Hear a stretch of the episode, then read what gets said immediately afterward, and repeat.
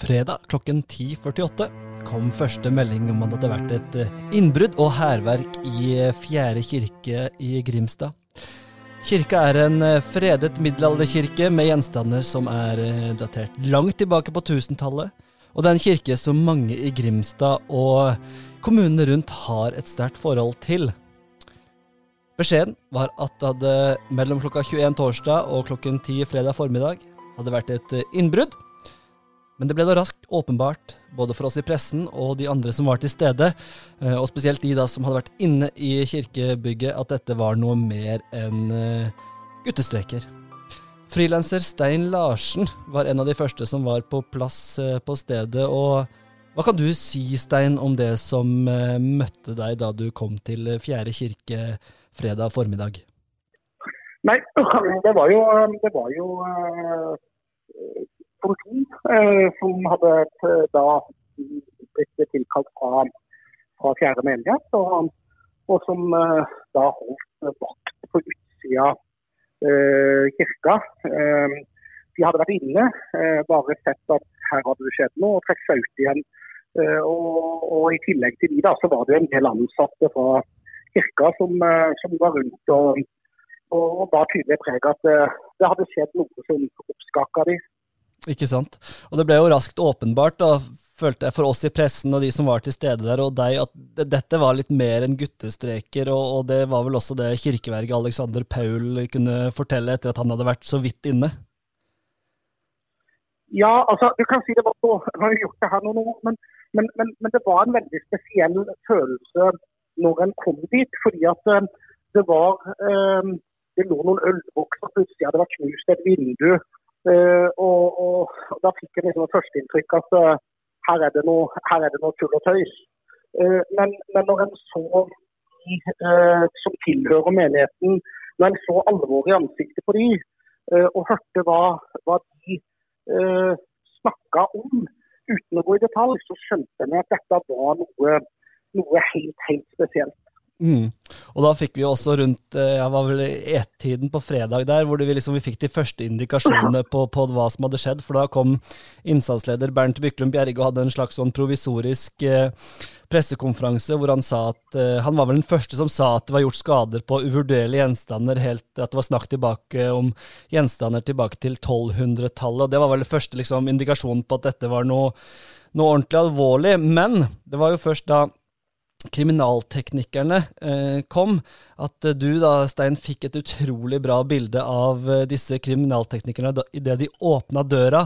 Og da fikk vi altså se Det var det første fysiske beviset på at vi fikk se at dette var omfattende. For det, på bildet så kunne man jo bl.a. se at det var tepper som var flerra opp, kunne man ikke det? Jo, det var jo det som var. Du kan si at de fleste hoppa jo igjen. Men, men jeg ble bedt om å være igjen, og, og gjorde jo det. og og når uh, politiets uh, kriminalteknikere skulle bære ut uh, beslagene sine, så, så, måtte de åpne døra. Og, og, da var det jo fritt innsyn inn i, i kirkeskipet. og da ble det jo tatt noen bilder, da, som seg hører og bør. med telelinsa.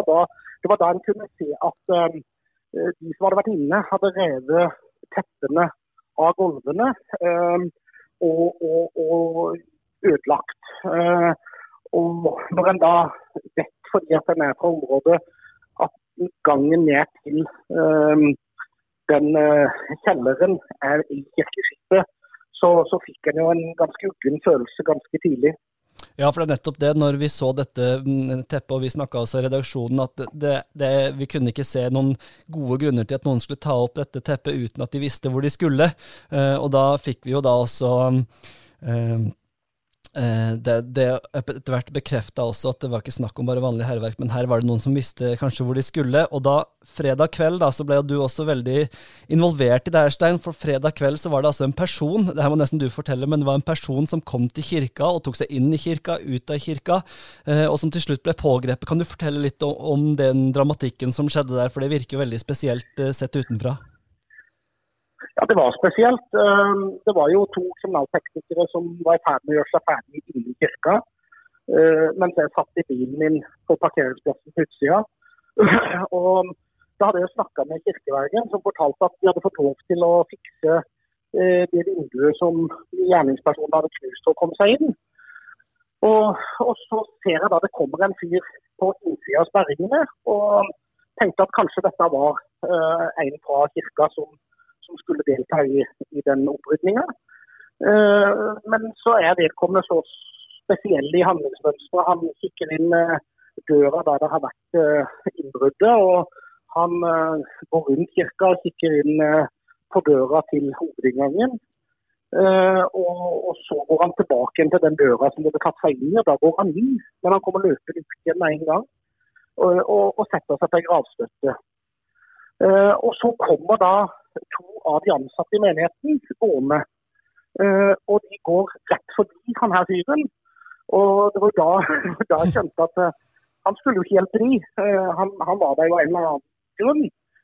Um, og Da tenkte jeg at dette er så spesielt, og hele saken var så spesiell at når kriminalteknikerne kom ut med beslaget sitt, så, så sa jeg at jeg må, jeg må, snakke med han som sitter under treet ved inngangen der. og da, for da hadde han satt seg på en måte bak et tre. Og Da gikk de, uh, gikk de bort ham, og så gikk det bare noen få minutter. Så, så sto det to uniformerte politibiler der, og han ble frakta vekk. Det var jo veldig spesielt, og da fikk vi også første indikasjon da, på at uh, dette var uh, en person som hadde noe med dette å gjøre, og han ble jo senere sikta. Og det var da lørdag den nyheten kom med at uh, den vi hadde litt venta på, egentlig, i og med at disse teppene var borte. Vi hadde ikke helt skjønt hvor, eller Det var kun én grunn til at de kunne være borte, og da fikk vi jo lørdag nyheten om at denne personen hadde vært nede i krypten i kirka, og hvor det ligger da balsamerte lik fra veldig gammelt av. og, og kirkeverket Alexander Paul bekrefta at dette var eh, likskjending. Eh, det var litt som forventa, eller hva tenkte du da, Stein? Jeg, jeg var iallfall ikke overraska.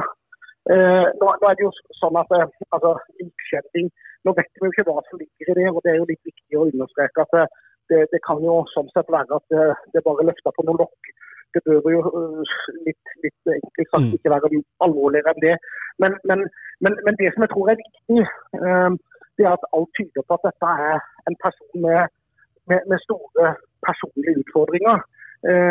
og, og som, som, har et, en helse historikk som gjør at, eh, at, må, at påtalemyndigheten og helsevesenet må, må, må, bruke litt tid på å utrede hva som ligger bak her. Det, mm. dette, dette, er ikke bare et plutselig innfall. og det, det, tror jeg kan være med på å sette, sette alt i, i, et litt annet lys enn det en, en, kanskje har fått inntrykk av at, eh, at dette er noen som har gått inn der fordi at de skulle utføre en handling eller, mm. eller et ritual eller, eller hva skal en si, regnestykke av faenskap jeg tror dette er en syk manns eh, måte å agere på. Mm. Og, og, da ble jo også søndag så ble jo bekrefta forsvarer til denne personen at, uh, at, de første avhørene ble tatt, men at de ikke tok noe stilling til skyldspørsmålet ennå. Og det var jo i dag, mandag, da det var uh, fengslingsmøte. Og herr Arne Ingmar Eggen, var du til stede nå tidligere i dag, og hva fikk vi høre der? Ja, politiet de ønsket jo først uh, lukkede dører, men etter at presten hadde fått argumentert for sitt, så, så ble det åpne dører, men eh, med referatforbud når det gjelder helsemessige opplysninger på vedkommende som er siktet i saken. Hva vil det si sånn i praksis? Eh, det vil si at det fremkom, har fremkommet en god del ting under avhør som, som, er av så personlig art at man ønsker ikke å få det ut. Mm. Og i dette fengslingsmøtet så ble det da vedtatt at han blir, eh, erkjenner straffskyld, sånn jeg skjønte det? Det gjør han, ja.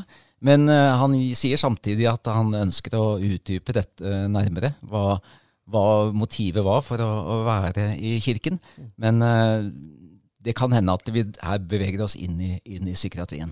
Nettopp. Hvordan fremstår han sånn for deg? Du har jo vært i mange fengslingsmøter i, i ditt liv. Og, og, hvordan fremstår han uh, for deg?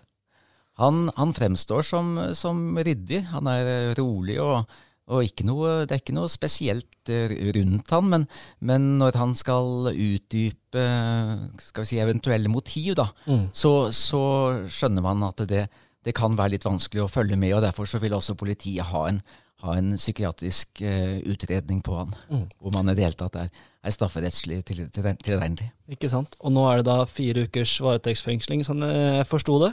Ja, det er i hvert fall det som er politiets uh, mål. Mm. Å få fire uker. Og de argumenterte for at det ville uh, støte mot en vanlig manns rettsoppfatning hvis han ble sluppet ut nå. Mm. spesielt når han da også oppgir at dette var kanskje bare den første av flere kirker han ville, ville ta et oppgjør med, eller slettet fra jorden, som han har sagt. Såpass, ja.